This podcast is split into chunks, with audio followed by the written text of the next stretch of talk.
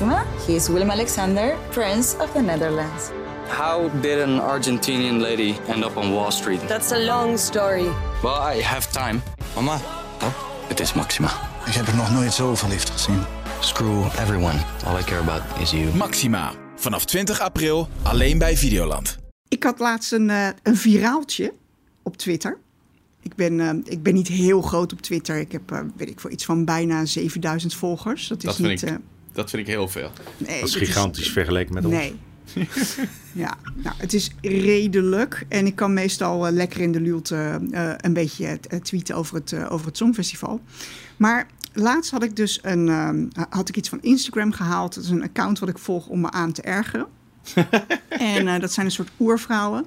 En eh, er was een beweging van vrouwen die opriep om je gezicht met menstruatiebloed in te smeren Oh, omdat je dan echt goed in je kracht komt te staan en het is niks om je voor te schamen. En ik had daar heel neutraal over bericht van, nou zoek je nog, eh, zoek je nog iets leuks om je bij aan te sluiten? Misschien is dit iets. Gewoon heel, Heel neutraal. Heel Geen neutraal. cynisme zoals we dat van je Nee, gewend nee, zijn. Helemaal Nee. niks. Niks. Nou, en wat daar, nou, dat ging dus, eh, dat ging dus heel hard. Dat is echt, eh, ik geloof, 100.000 impressies, 200 retweets, honderden reacties. Maar ieder- iedereen geeft er dan zijn eigen zwengel aan. Er werden mensen boos. Hey, niet alleen eh, vrouwen worden ongesteld hoor. Mensen, mensen worden ongesteld. Of, eh, oh, dit is zeker weer een millennial. Dit is die hele generatie. Die is helemaal verkut. Nou, Ja. Iedereen gewoon heel woedend, heel boos. En van ja, waarom tweet je dit eigenlijk? Menstrueren is toch niks om je voor te schamen? Schaam jij je er wel voor? Nou, ik dacht echt, waar, waar heb ik dit aan verdiend? Is ik signaleer gewoon een heel klein mini-treintje, iets lolligs. En, en, en ik dacht, hier kan ik me geen bel aan- aanvallen. En nog wordt iedereen woest. Is dit jouw meest succesvolle tweet ooit, Debbie? Weet ik niet, weet ik niet. Dat zou ik echt heel erg leuk vinden. Ja. Onderzoeken, ja. Maar ik vind, ik vind het knap dat je er überhaupt nog op zit. Ja, je Ik- moet heel zeg- veel mensen blokken. En gewoon, ja, ik probeer weinig politieke onderwerpen aan te roeren. Want dan krijg je dit gewoon eh, in extrema. Ik probeer het één keer per Ik heb zo'n traditie met mezelf. Eén keer per jaar probeer ik weer op Twitter te gaan en uit te vinden of ik het kan en het leuk vind. En dat duurt altijd ongeveer een week en dan ben ik weer weg. Ik kan het gewoon niet. Ik heb ook helemaal niet genoeg meningen voor Twitter. Dat snap ik nooit zo goed. Ja, er is ook altijd wel iemand boos op Twitter.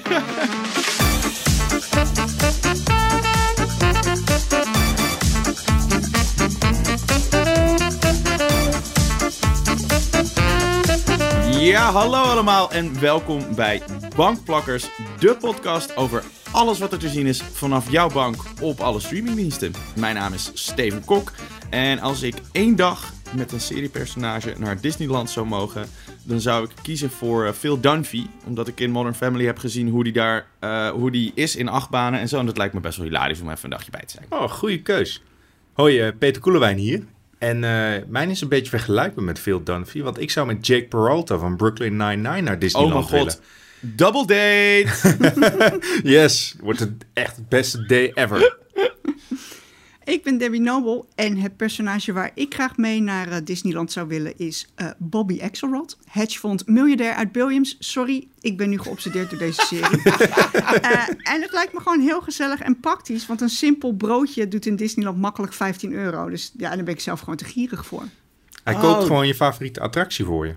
Ik, Ook ik, leuk. Ik, zit- ik zit nu te denken dat ik eigenlijk helemaal verkeerd heb gekozen. Want, in, want Phil Dunphy die probeert natuurlijk in al die achtbanen te gaan, maar die kan dat helemaal niet meer aan. Dus dan zit ik de hele tijd in mijn eentje in die dingen.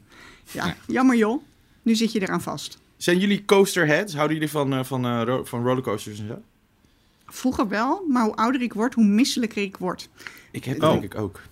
Dan ga je je verzetten en dan werkt het niet meer. Ik, ik heb een pro-tip. Een rijstabletje. Dan kan ik wel alles aan. Oh, slim. Prima, prima toertje erin en gaan. In Bankplakkers bespreken we elke week wat er uitkomt op eh, alle streamingdiensten, zodat jij weet wat je wil kijken als je lekker thuis op de bank zit. En eh, we zijn weer in full force, want ik ben beter! Ja, ehm, ik proef de meeste dingen weer, ik ruik de meeste dingen weer. Het is allemaal nog wel een beetje slapjes, dus het, het, alles is een beetje verdund. Eh, en alleen mijn conditie ligt ergens op straat, dus die, eh, nou, die moet ik, daar moet ik maar weer eens aan gaan werken. Maar ik ben er weer in full force. Af en toe doe ik alleen nog even zo... zo even roggelen, maar dat is alles. Valt, valt amper op. Ja. Fijn dat, eh, dat je smaak ook weer terug is. Dat betekent zeker dat je iets goed ge- goeds gekeken hebt eh, deze week. Ja, ja, ja, ja, ja, ja. Ik heb namelijk ehm Ferry gekeken. De undercover prequel film. Nou, ik ga er verder helemaal niks over zeggen. Zoals elke week. Debbie, wat heb jij gekeken? Ik heb De Oost gekeken over de zwarte bladzijde in de Nederlandse geschiedenis. Twee Nederlandse films. Wat wel interessant is, want vorige week hadden we het er nog over. Ja. Dat wij die eigenlijk helemaal niet zo slecht vinden. En ik had beloofd dat ik er meer zou gaan kijken. En zie hier. Nou. Yes. En Peter? Heel goed gedaan. Ik heb geen Nederlandse film gekeken. Ik heb de, het tweede seizoen van Love, Death and Robots gekeken. Wat een eh, animatie science fiction serie op Netflix is. Ik ben heel benieuwd daarnaar. Eh, want ik vond seizoen 1 ook te gek. Maar, zoals elke week, Debbie, wat is het nieuws? Het nieuws. Goedemiddag. Dit is Business News Radio met Debbie Noble. Er zijn een aantal spannende overnames aangekondigd in streamingland. Eh, nee, maar echt hè. Want ehm, het is knallen op de beurs. Warner en eh, Discovery hebben aangekondigd, hebben hun huwelijk aangekondigd. Die gaan samen verder. En dat betekent in elk geval dat eh, HBO Max, waar nu al die gigantische series gemaakt worden, waar wij het eh, regelmatig over eh, hebben, eh, die komen sowieso samen in één huis met de DC-films. En bijvoorbeeld eh, met Discovery Plus, maar ook met Cartoon Network en TLC. Dit is echt weer zo'n eh, mega Zo deal. Het is alleen niet duidelijk wat dat nou echt voor Nederland eh, eh, betekent. Want HBO is natuurlijk eh, nu te zien bij eh, Ziggo Movies and Series. Eh, Ja. Maar dat contract loopt dit jaar af. Dus ja, dat weten we niet. Het is Ja. vaagjes. Je zou denken dat het allemaal dan onder HBO Max komt te vallen, de streamingdienst. Dat Ja, zou maar je dat denken. hebben we hier maar natuurlijk niet. Dat hebben we hier nog niet. Maar Nee. wellicht komt het wel. Het is nog heel onduidelijk. En Ziggo lijkt een beetje dit soort dingen eh, uit handen te laten glippen, al dan niet bewust. Want ook eh, eh, Formule 1 Racing is eh, natuurlijk ontglipt. Oh, nee. Eh, want de Formule 1 is overgenomen door de Nordic Entertainment Groep. En die gaan alle races sowieso achter een, eh, eh, achter een betaalzender zetten. Ai. Dus de kans, eh, de kans is gewoon aanwezig dat Max Verstappen kampioen wordt. En dat bijna geen Nederlander het heeft gezien. Dat is wel echt zuur. Ja. Ja. ja. Nou ja, behalve als je natuurlijk veel geld wil neertellen. Hè?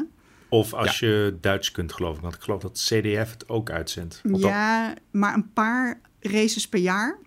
Eh, Oh, En ook die gaan, want daar is eenzelfde soort deal gesloten. Ook die verdwijnen allemaal slinks niet. achter een betaalmuur. Ja, we worden helemaal leeggetrokken, Ja, jongens, straks. echt. Ja, ik, Ja, ik, kijk dus- geen, ik kijk geen Formule 1, maar ik kan me voorstellen als je dit wel kijkt, is dit wel echt slecht, slecht, slecht Mijn, nieuws. mijn vader was Ja. gisteren in zak en as. Ah, Echt. dat vind ik wel zielig. Dat is gewoon een soort van een domper voor de hele dag.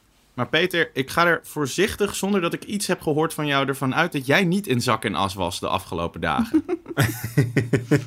Nee, ik, eh, want ik heb namelijk Love, Death and Robots seizoen 2 gekeken op Netflix. En eh, dat beviel prima. Het is eigenlijk een verzamelnaam voor allerlei korte verhalen. En dat zijn dan afleveringen van 10 tot 20 minuten. En ze hebben allemaal een science fiction of een bovennatuurlijk thema. Ik noem een paar voorbeelden van het nieuwe seizoen. Dan moet je denken aan een dystopie waar het verboden is om kinderen te krijgen. Eh, een verhaal over een oud vrouwtje die probeert te vluchten van haar moordlustige schoonmaakrobot. Eh, maar ook, Heerlijk me dit. ja, ja. En, eh, maar ook bijvoorbeeld iets zoiets bizars als een, een dode reus van 100 meter lang strand op het Britse eiland. En, en hoe, ja, hoe reageert de pers daarop en de inwoners? En het zijn allemaal verschillende artiesten per aflevering, toch? Ja, het zijn eh, verschillende animatiestudio's en er zitten ook een paar grote namen tussen. Zo weet ik dat eh, een, een regisseur van diverse Gorillaz clips heeft een, eh, Ah, heeft vet. een eh, 2D animatie short story erin gestopt. En oh, is tevens een van mijn favorieten. Ik weet dat David Fincher is executive producer, geloof ik, van, Oh. van het hele project. En ook Tim Miller, de regisseur van Deadpool en Terminator Dark Fate, is erbij betrokken. Hm. Dus eh, en je, je kunt ook hun vingerafdrukken over alle, alle filmpjes zien. Want er zit niet echt een vrolijke tussen. Oh. Ze zijn Niet- allemaal... Ook niet, niet een hele grappige. Wel, in wel. De vorige, in de vorige zat echt wel hele grappige dingen. Ja, zeker. Er zit zeker humor in, maar het is echt van die zwartgallige, bijtende humor. Eh, Ja. Denk dan aan het oude vrouwtje die eh, de klantenservice probeert te bellen... omdat de schoonmaakrobot eh, haar probeert te vermoorden. En dan krijg je dus echt eh, een klantenservice from hell te horen. Het, het is heerlijk snackvoer. Het, het voelde alsof ik een doos chocolaatjes kreeg... en alsof jullie mij toestemming hadden gegeven om die hele doos in één keer leeg te eten. Nou, je hebt ons laatst verteld dat je dat sowieso doet als je Ja. het krijgt. Dus... Ja, je hebt me door. Hey, maar word je, werd je er zwartgallig van qua stemming? Omdat het allemaal toch een beetje eh, zwart was qua humor en duister misschien. En, eh, Mm, nee, nee, maar ik heb ook wel. Ik, ik hou ook wel van een sikkeneurige film eh, of een serie op zijn tijd. Weet je, het hoeft niet Dat allemaal een happy ending te op. zijn. Ja, ja, het zet je aan het denken. En dat doen de meesten hierbij ook, van wat ze precies doen. Als nadeeltje wil ik wel noemen van het voelt ook een beetje als los zand. Dus het eindigt nogal abrupt bij de laatste aflevering. Er zit niet iets van een, een, een grande finale aan. Ja, dat, dat, daar moet je dus wel eventjes klaar voor zitten. Van, het, het, het werkt eigenlijk het beste om er eentje af en toe te kijken. En eh, die te savoren. zo, heb ik de, zo heb ik de vorige ook gekeken. Trouwens, Oh ja? Terwijl Oh. ik echt een binge- binge-watcher ben, zoals jullie weten. Maar de vorige, ja, dat kan namelijk prima, omdat je niet echt door wil kijken. En ze komen echt wel ook het best tot zijn recht als je af en toe even een losse, een Ja. losse doet. Uit seizoen 1 was de, waar de katten de wereld overnamen. Die vond ik echt eh Ja, ik heb ze dus wel achter elkaar doorgeknald, seizoen 1. En ja, eh, Mateloos. dat, dat, werkt, dat werkt ook. Ja, ja je- dat ben je, als je het gaat bingen, dan ben je binnen twee, drie uurtjes klaar. Ja. Dus het is gewoon Hoeveel lekker afleveringen is het? Of hoeveel, hoeveel filmpjes? Acht afleveringen en ze verschillen dus tussen de 20 en de 10 minuten. Er zitten ook echt een paar hele korte tussen. Al moet ik wel zeggen dat mijn favoriete is misschien wel de kortste. Dat is een stop-motion kerstaflevering waarin twee kinderen naar beneden toe sluipen om de kerstman eh, te belagen. Die eh, cadeautjes neerlegt. Een hele leuke twist zit erin. Heerlijk. Er is ook eentje die niet geanimeerd is deze keer. Dat is een live-action eh, short story met Michael B. Jordan in de hoofdrol. Oh. Dat is een leuke, leuke afwisseling. Het is allemaal heerlijk afwisselend. En als jij van science fiction houdt of van horror, dan eh, kan ik dit absoluut aanraden. Ik heb altijd een beetje het idee dat het een soort van eh, Black Mirror on crack is of zo.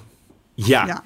iedereen die van Black Mirror houdt, kan dit eh, blind Ja. eh, opzetten op Netflix. Cool. Wil je er nog iets anders over kwijt?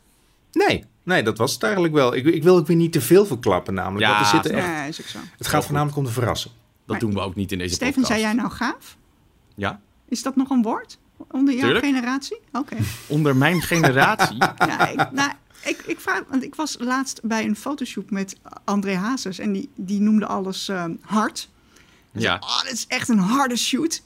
En ik dacht, oh, vindt hij het licht te hard? Of eh, weet je, zo'n oude ziel die dat even niet begreep. Maar alles is nu hard, juist toch? Ja, en eh, groovy zeggen, zeggen heel veel kids tegenwoordig Nice. ook op straat. Zeggen kids. Of eh, dat iets fire is, toch? Ja, ja, ja. Ja. Daar ben Dus ik weer bij. Love, Death and Robots seizoen Bedankt, 2. jongens. Hij is hard, hij is groovy, hij is fire. Kijk, Oké, dope.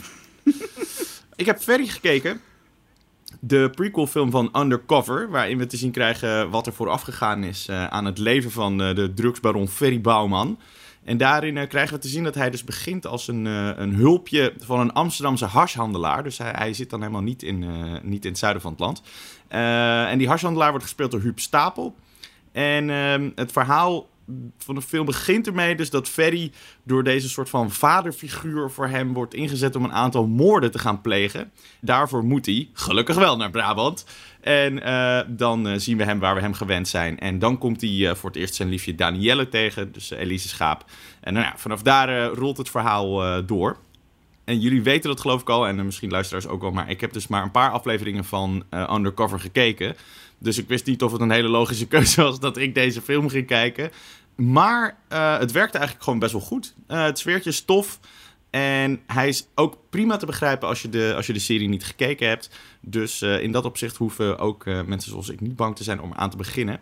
Het heeft een kop en een staart. Ja, heel een duidelijk. rond verhaal. Ja, heel duidelijke kop en een staart. Eh, het voelt wel een beetje als gewoon aflevering 1 van Undercover ergens voor mij. Zitten er ook wel af en toe wat subtiele verwijzingen naar wat er komen gaat? Ja, dat weet ik dus niet zo goed. Want ik, heb het niet gezien. Ik wilde het toch even vragen. Ja, maar Ja. volgens... eh, er waren wel een paar dingetjes die zelfs ik herkende. Dus ja. Maar eh, ik zei, vast, hè, vast als je de serie hebt gezien... zitten er veel meer verwijzingjes in. Eh, het verhaal zelf is eigenlijk een beetje dun. Eigenlijk na een kwartier of een half uur... kan je eigenlijk de rest van een film gewoon wel voorspellen... en weet je wel eigenlijk wel Oh, wat er gaat gebeuren. Ja, dat is een beetje jammer. Maar het, dat is niet zo erg. En dat komt eigenlijk alleen maar door Frank Lammers voor mij.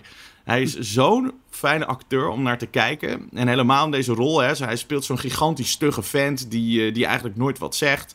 En, eh, maar waarbij van binnen natuurlijk wel een en ander afspeelt. En dat weet hij gewoon wel goed over te brengen. En ondanks het feit dat hij gewoon eigenlijk hè, een, uh, gewoon een huurmoordenaar is in deze film, ben je toch voor hem aan het rooten en wil je dat het allemaal goed met hem komt. En ja, je wil eigenlijk gewoon dat hij, dat hij liefde vindt en dat het allemaal lukt. En uh, ja, daardoor uh, bleef ik echt wel, echt wel flink plakken. Het gaat ook wel lekker met uh, Frank Lammers, geloof ik. Hè? Want aan de ene kant speelt hij dus zo'n crime boss uh, in, in Ferry en in Undercover. En aan de andere kant scoort hij ook met, een, uh, met de corona-hitfilm De Groeten van Gerry. Waarin hij juist weer een, een, een zachtaardige ja. leraar speelt. En, en daarvoor komt nu een vervolg. En hij doet de voice-over van Massa is Kassa. Ook dat nou, nog. Wat ik, wat ik echt een heerlijk programma vind. Maar goed, dit zit lekker, le lekker in zijn Brabantse roots zit ja. hij. Zowel Amsterdam als Brabant worden trouwens echt heel cool in beeld gebracht ook. Ik vond het sowieso echt wel een hele mooi geschoten film. En daarvan was het hoogtepunt een scène waarin uh, Ferry en Danielle voor het eerst samen een pilletje gebruiken op de kermis. en dat is echt een hele leuke scène.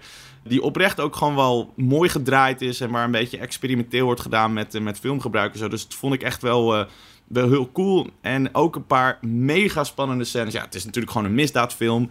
Uh, dus er wordt geschoten en er wordt uh, drugs gebruikt. En er, uh, er zijn mensen met bivakmutsen. En weet je, er zitten gewoon wel wat, wat spannende scènes in. Waarvan ik een paar echt oprecht spannend vond. En gewoon echt niet wist wat er ging gebeuren. Dus daar was ik echt heel erg in geïnvesteerd. Ah, wat goed. Fijn heb, dat... je nu, ja. heb je nu wel zin om de serie toch weer op te pikken? Wel wat meer, ja. Ook omdat uh, mijn broer, onze editor, die, die zei laatst ook al van... dit was echt een van de spannendste series die ik heel lang heb gezien. Dus misschien moet ik er gewoon nog een keer aan beginnen. En nog wel twee dingen die ik even wilde uh, benoemen. Okay. Ik denk dat als je... Het is natuurlijk een prequel film. gaat echt over Ferry, uh, Ferry Bouwman. en daarin had ik wel verwacht dat ik meer over hem zou komen te weten.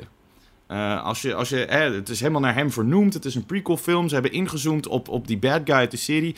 Maar eigenlijk, afgezien van het feit dat, hij, dat ik weet dat hij in Amsterdam is opgegroeid... en dat je, een be- dat je een beetje een beeld krijgt van hoe hij op die camping terechtkomt... weet ik nog steeds niet zoveel over wie hij nou is. Hmm. En dat vond ik eigenlijk wel een beetje een gemiste kans. Helemaal voor een film die er hier zo op inzet. Dat is wel jammer om te horen. Hmm. Het voelt een beetje ja. als het ja, meest voorkomende kritiekpunt bij een prequel... dat hij onnodig is. Ja, ja en dat is, dat is ook hierbij wel een beetje zo. Hij is leuk, maar hij, is niet, hij geeft niet een soort van heel nieuwe dimensie aan het personage of zo. Um, en daarnaast, uh, Debbie had me hier ook al een berichtje over gestuurd. Er is nogal wat te doen over de accenten in de film. Het is, Amsterdams, Brabants en uh, Vlaams, Nederlands door elkaar.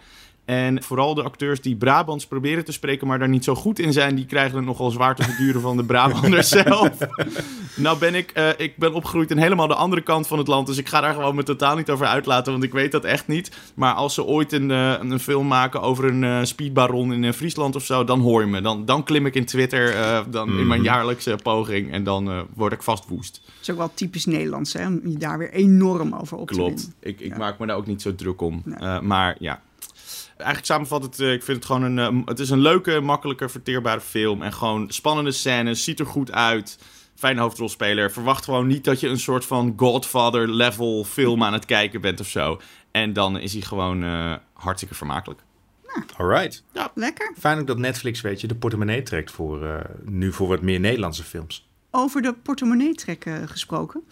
Dat is wel gebeurd voor De Oost. Mm -hmm. Subtiel bruggetje, hè? Wauw. Ja, nee, wow. netjes hoor. Debbie. 10 punten. 6,3 miljoen is hier aan besteed. Hij zou uh, uiteraard eerst in de bioscoop uh, moeten zijn beland, maar dat is niet gelukt. Gelukkig is die opgepikt door Amazon Prime. De Oost is dus de eerste Nederlandse speelfilm over de Indonesische onafhankelijkheidsstrijd. En nou, dat ligt natuurlijk heel gevoelig.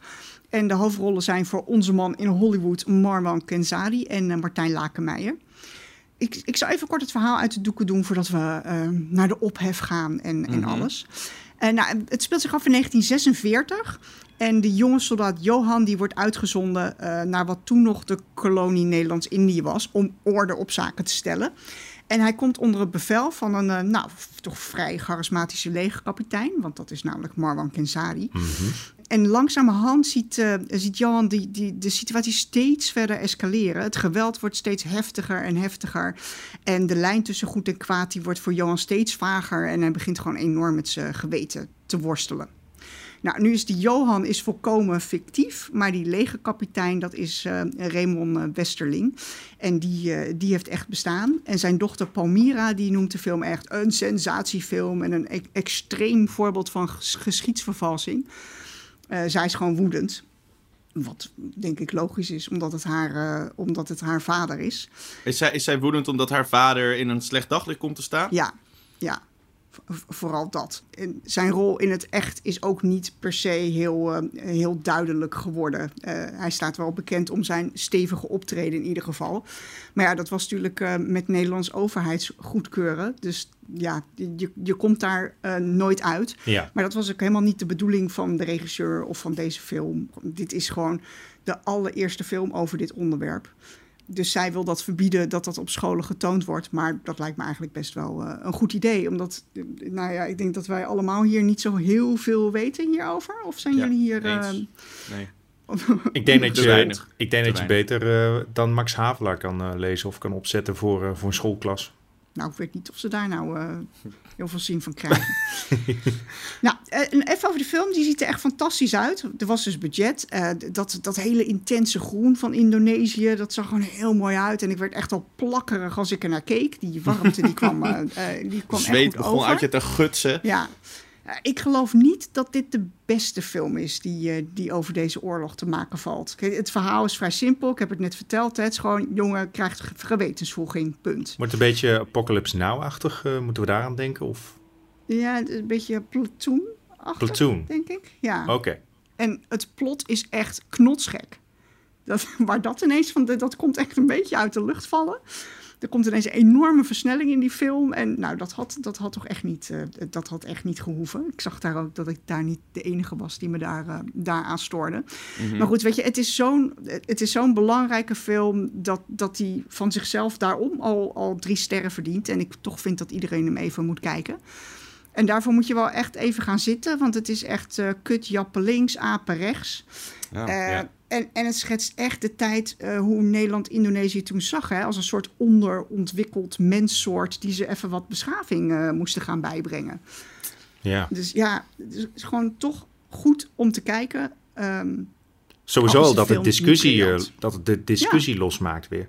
Ja. En, en wat, wat, is er dan, wat vond je er dan niet zo briljant aan? Nou, het, het, het verhaal is gewoon, vond ik een oh, beetje... Het, het is puur het, het, het, het ja. Ja, het verhaal vond ik een beetje te, te simpeltjes en er werd wel goed geacteerd en, en dat plot is echt bizar. Ja, Heel raar. Ja, oké. Okay. Ja, ja ik, ik, ik zat ook een beetje te kijken naar die ophef en zo. En ik denk, hè, ik snap het heel goed dat iemand wiens familielid of zo wordt aangevallen, dat je je hier tegen verzet.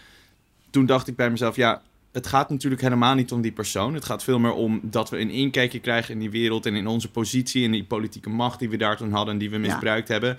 Maar toen dacht ik ook weer, ja, als dat het punt is, dan kan je hem eigenlijk ook helemaal fictief maken. Dan hoef je eigenlijk geen echte mensen te gebruiken. Dus ik snap Ja. ergens wel dat daar een soort van, hè, een soort van conflict is ontstaan. Maar dat je je film wel een soort van historische gewicht geeft of zo, door er echte mensen in te stoppen. Ja. Ik snap dat dat een hele moeilijke discussie is. En ehm, eh, ik heb daar het antwoord ook niet, eh, niet per se Nee. op.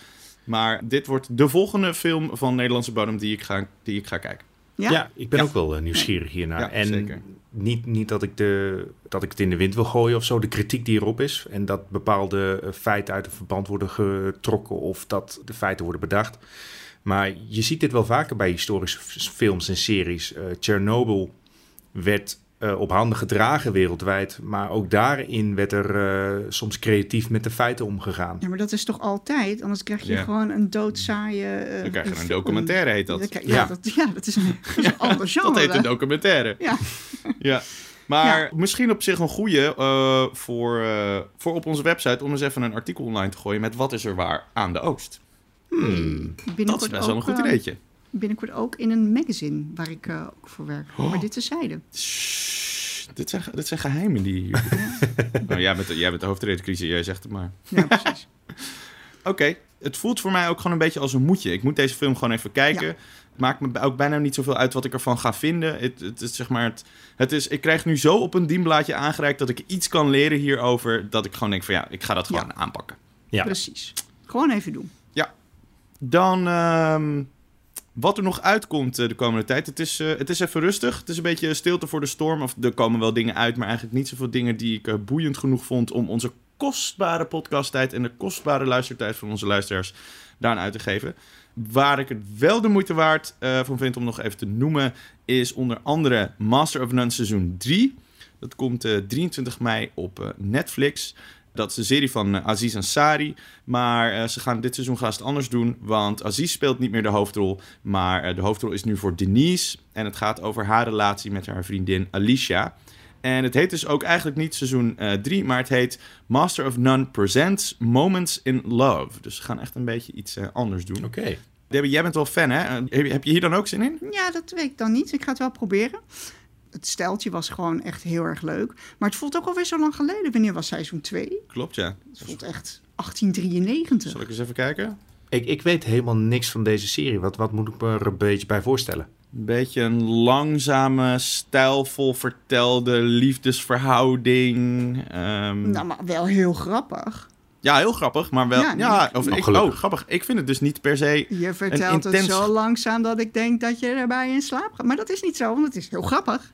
Het is enorm geinig. Eh, Nou, oké, ik ben verkocht. Ja, nou, ik heb niet het gevoel dat we Peter hiermee over de streep trekken. Maar ik, het is gewoon ook echt al weggezakt waarom ik het leuk vond. ik heb gewoon een Ah. schrijnend eh, gebrek aan talent kennelijk om leuke dingen leuk uit te leggen. Ehm, Maar niet uit, je zit maar in een seizoen- podcast. Se- Ja, precies. Seizoen 2 was in 2017. Ja, Wauw. Jemig. Vier jaar Ja. geleden. Koekoek. Ja, Mei 2017 ook zelfs. Precies vier jaar geleden. Wow, crazy. Dus dat. Superleuk. Hele actieve en mega grappige serie. Waar het de hele tijd... Piep, piep, piep, piep, piep, piep. Het, lijkt, eh, het lijkt bijna op eh, Mitchells vs. The Machines. Zo druk en grappig is. Wauw, ik ga vanavond gelijk kijken. Eh, nee, maar wel echt oprecht heel tof.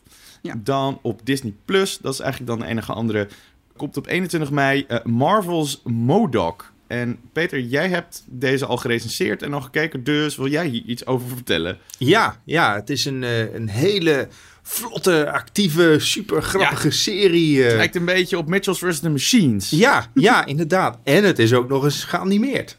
Wauw. Nee, ehm, ja, hoe kan ik dit uitleggen? Er is een hele rare superschurk die Marvel ooit bedacht heeft, Modok. Hij is super slim, hij heeft een enorm hoofd en zit daarom in een soort van zwevende stoel met allemaal lasers. Toen dacht eh Patton Oswalt en de makers van Robot Chicken, een stop-motion eh, sketch-serie, dachten van... wat als we dit personage in een familiesitcom stoppen? En dat is Modok geworden. chill. Ja, hij wil niet alleen de wereld veroveren, hij wil ook eh, zijn gezin gelukkig maken. En dat eh, lukt in de eerste aflevering al eh, helemaal niet. Want hij, hij, het begint al met een gevecht tegen Iron Man dat hij spectaculair verliest.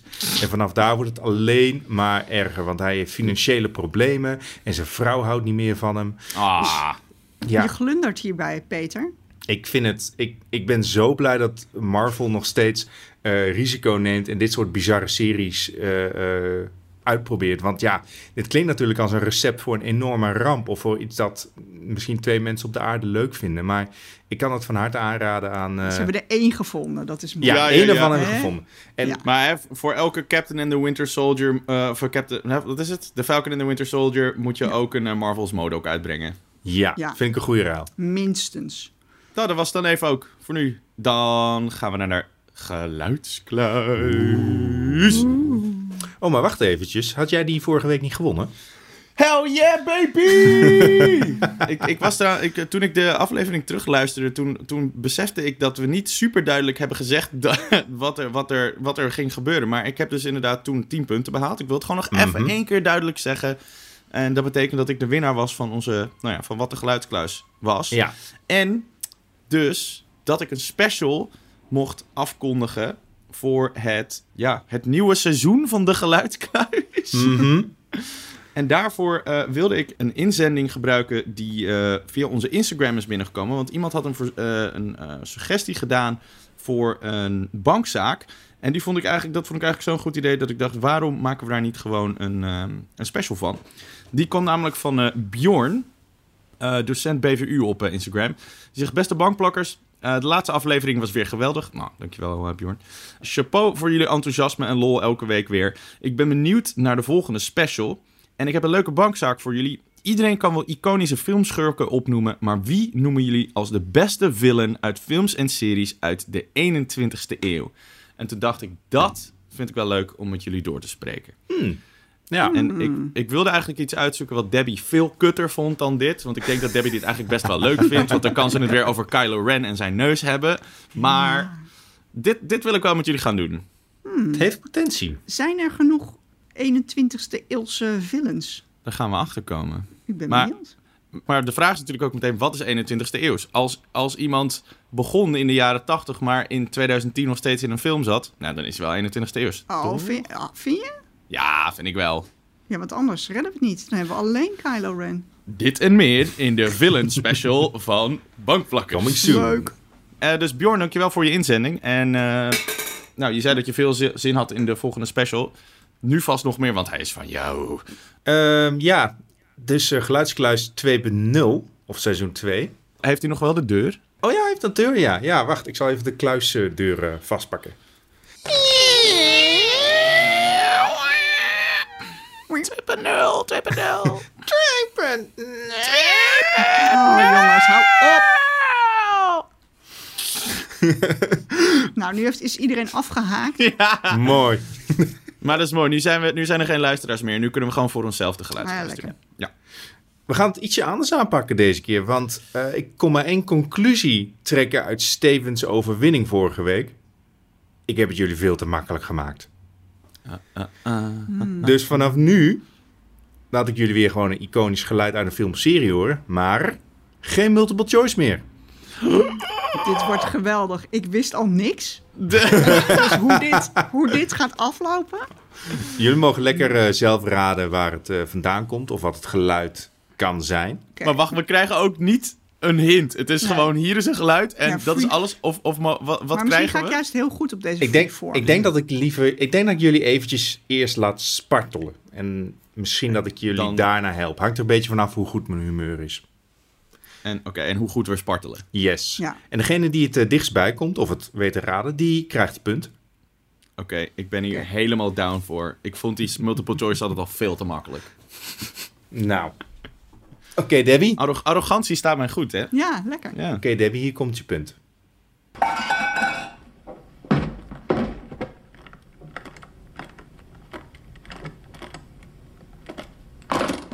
Oké, ik wil hem nog een keer horen. Ja.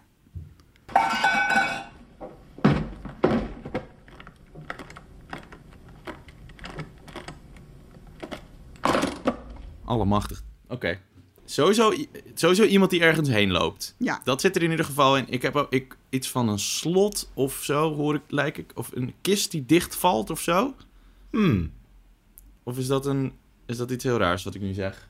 ik zeg niks. Ik zie de hut van Hagrid vormen op een of andere manier. Ik weet niet waarom. Ja, vrije associatie. Van Harry Potter. Jullie kunnen niet zien, maar Debbie kijkt heel verward naar mij nu. Nee, ik, ik, ik ben heel erg aan het nadenken. Want ik hoor inderdaad ook voetstappen. Aha. Op een gegeven moment lijken de voetstappen een beetje zompig te worden. Zompig. Ja, of Zompig. een beetje het moeras in te gaan. Of dat hij natte sokken heeft. Of, eh, maar dat kan aan mijn koptelefoon Ja. liggen. Klikt wel Maar met er zit een soort weer. van een raar geluid aan de kop en een raar geluid aan de staart. Ja. En ertussenin wordt gelopen. En ja, dan een soort deur inderdaad. En dan iets wat open of dicht gaat. Ja. Ja. Hebben we genoeg gesparteld, Peter? Hmm. Oké, ik zal jullie een hint geven. Het komt uit een film van Quentin Tarantino. Dus niet Harry Potter. Oké, dan denk ik dat het Inglorious Bastards is. Omdat... Ja, maar ja, dit baseer ik echt precies nergens op. Maar ik ga Nee. gewoon... ik zal er nog wat meer narrowen. Pulp Fiction. Oké. Oh, het is echt lang geleden dat ik deze film gezien heb. Willen jullie dat ik het nog een keertje laat horen? Eén keer. Ja, heel graag. Komt-ie.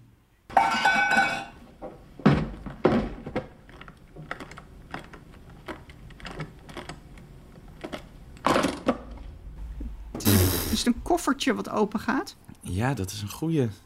Zo'n metalen koffertje. Oeh. En daar zit Dat- dan wat in. Maar mijn filmisch geheugen op details is echt extreem slecht. Dus verder Is dan dit- dit... ga ik niet komen. Oh, dit, is de, dit kan wel eens inderdaad de koffer zijn uit Pulp Fiction. Ja, jullie hebben het allebei goed zo. Maar misschien moeten we hier gewoon van maken dat wij er samen achter moeten komen. Want anders kunnen we niet met elkaar praten over wat we denken, Nee, want dan verraden we dat het Ik vind de discussie tussen jullie in vind ik wel leuk ook. En Ja, dat is leuk. Ja. eerlijk is eerlijk, Debbie had als eerste het koffertje. En jij legde de connectie met het koffertje. Het, de, het dus ik vind gewoon dat jullie Ja. allebei nu een punt verdienen. Ja, Ja, maar misschien hebben we dan gewoon samen punten. En Ja. dan bedenken we wel hoe we daar iets leuks mee doen. nee, nu, Of nee, misschien als echt- jullie het niet kunnen raden. Of als Ja, je gewoon. Peter heeft nu gewoon verloren. Ja, Oh, ja. Goeie. ja, misschien kan ik ook gewoon Ja. punten winnen. Als jullie echt Oké, eh, te het- lang blijven spartelen, dan Ja. eh, geef ik het gewoon Oké, op. dan is het de Peters versus de Machines, is het. Ja. Nice. Ik vind het nu al, vind het nu al goed. I love it.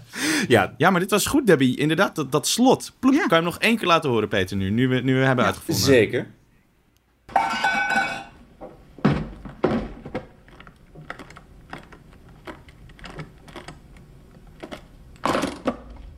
Ja, dat, Ja. dat, prrr, dat Ja. is het. Ja, cool. Ja, Leuk. dat eh, John Travolta dan met allemaal gouden licht eh, eh, uit de koffer naar hem toe schijnt.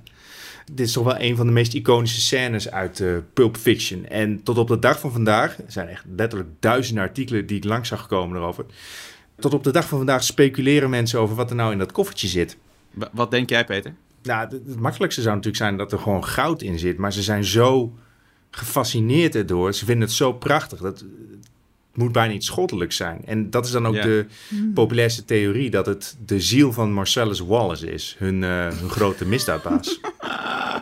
en dat klinkt krankzinnig... totdat je beseft dat de combinatie van het koffertje 666 is... en dat ze daarna dus met goddelijke interventie... een kogelregen overleven. John Travolta en Wa- Samuel L. Jackson. Wow, yo. Oké. Dus misschien Cool. zit er wel iets in. Dit wist ik niet. Zie je, zo leer je elke dag wat bij Bankplakkers. Nou, Dankjewel. Ik vind het helemaal leuk, dit nieuwe format. Ja. Ja. Ik ga er erg goed op. Ik vind het ook leuk om de schurk te spelen. Ja, jij bent echt de bad guy nu. Dus ik ga jou ook in de volgende special meenemen in de, in de longlist. En dan kijken of je het redt. Top 5, anders kom ik gewoon niet op de haak. Anders kom ik niet. Cool. Zullen we door naar de bankzaak, jongens? Yes. De bankzaak van deze week die is ingestuurd door niemand minder dan Jardi Jansen. Een van onze vaste luisteraars. Dankjewel dat je er altijd bij bent, Jardi. En groetjes thuis. Jardi had een eh, paar ideetjes voor eh, bankzaken ingestuurd. Maar eentje van, eh, eentje van, een van zijn ideeën was de film of serie die het meest geraakt heeft. En voordat we aan die van onszelf beginnen, dacht ik, laat ik even eens kijken wat, er, eh, wat onze eh, luisteraars hebben ingestuurd. Dat waren er op zich nogal wat. Claudia die zegt eh Okja. Oh ja. Die zegt, die kan ik echt geen tweede keer meer kijken. nee. Ja, die, die begrijp Ja. ik wel. Nee, ik ook niet, maar om andere redenen. Een stomme film. Vond je die echt zo stom? Ja, Ja, echt oké. stom. ja, ja. Oh. Ja.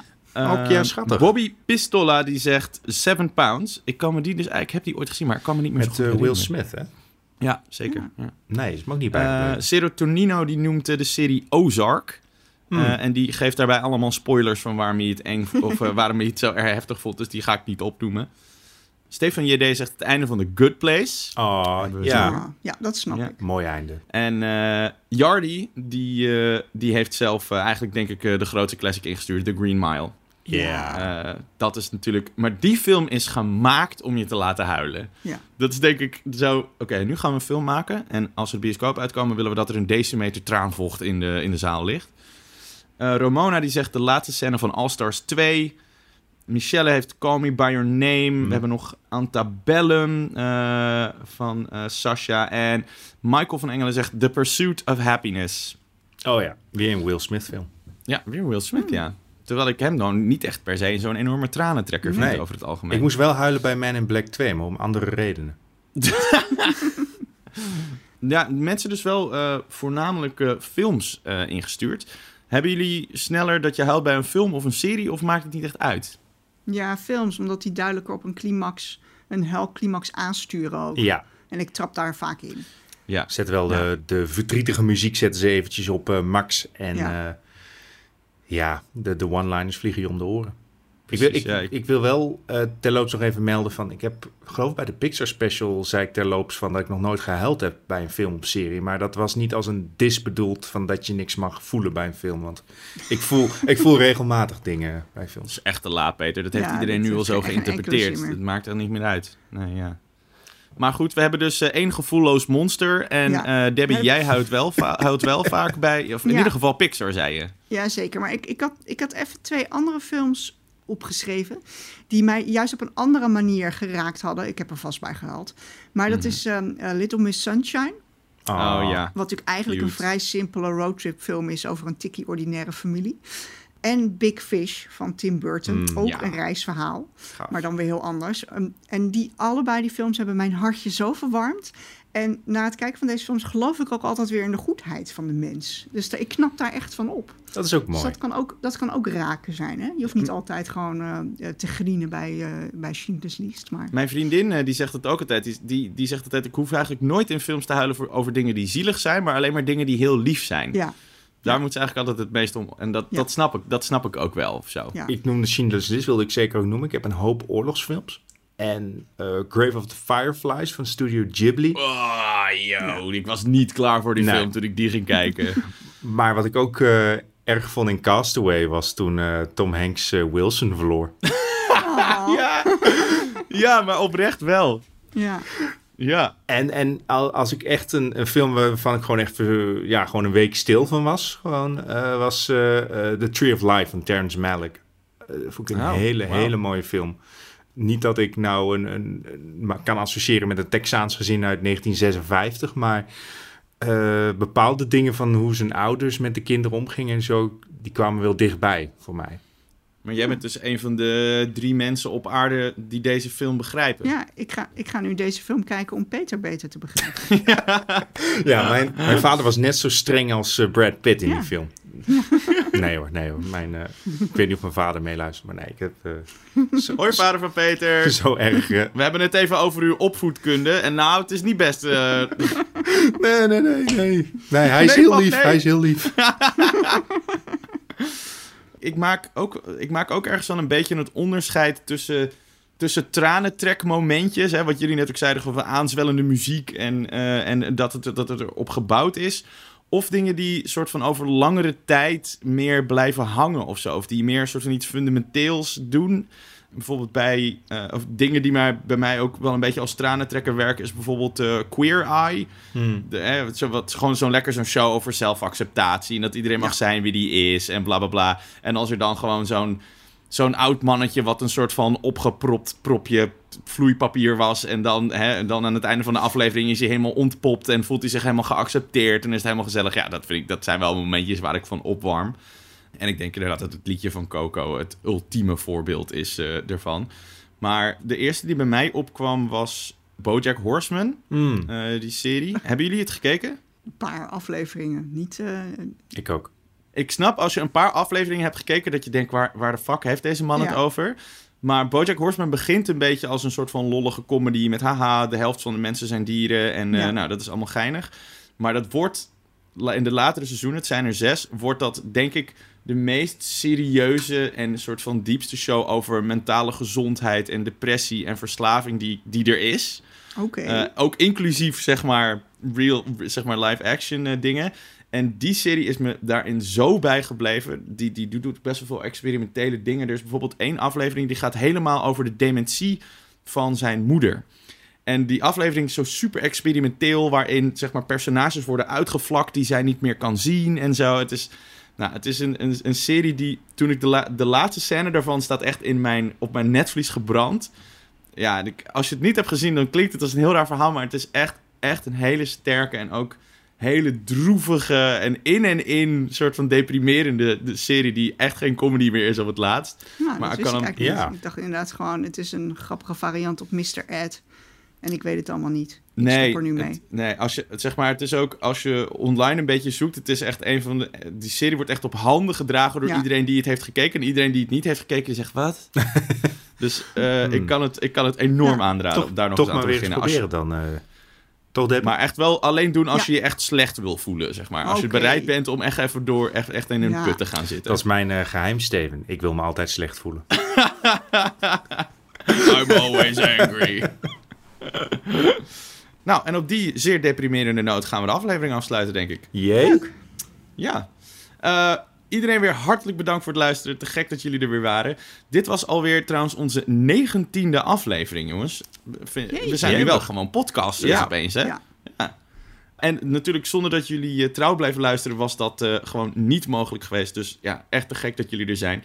Heb je nou een vraag voor de bankzaak of eh, wil je iets tegen een van ons of allemaal roepen, dan kan het gewoon. Dat kan via Twitters, bank, eh, Twitters, via Twitters, via de Twitters, via de Twitterverse. Bij eh bank, at bankplakkers. Eh, op Instagram kan het ook ehm, bij bankplakkers. En je kan ons gewoon mailen. bankplakkers.gmail.com als je social media maar kut vindt en daar gewoon helemaal niks mee Ja. hebt en zo.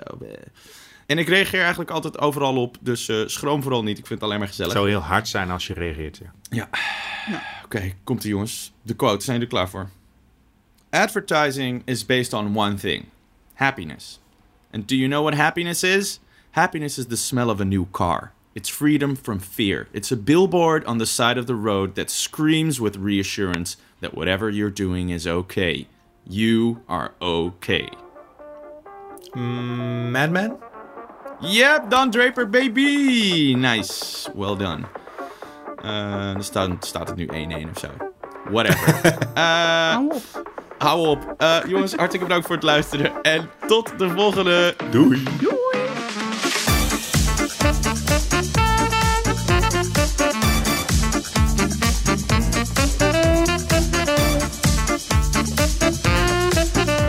Bankplakkers is een originele podcast van Veronica Superguide. Mijn naam is Steven Kok en mijn gasten zijn elke week Debbie Nobel en Peter Koelewijn. En onze editing wordt gedaan door Art Kok. Bedankt voor het luisteren en tot de volgende!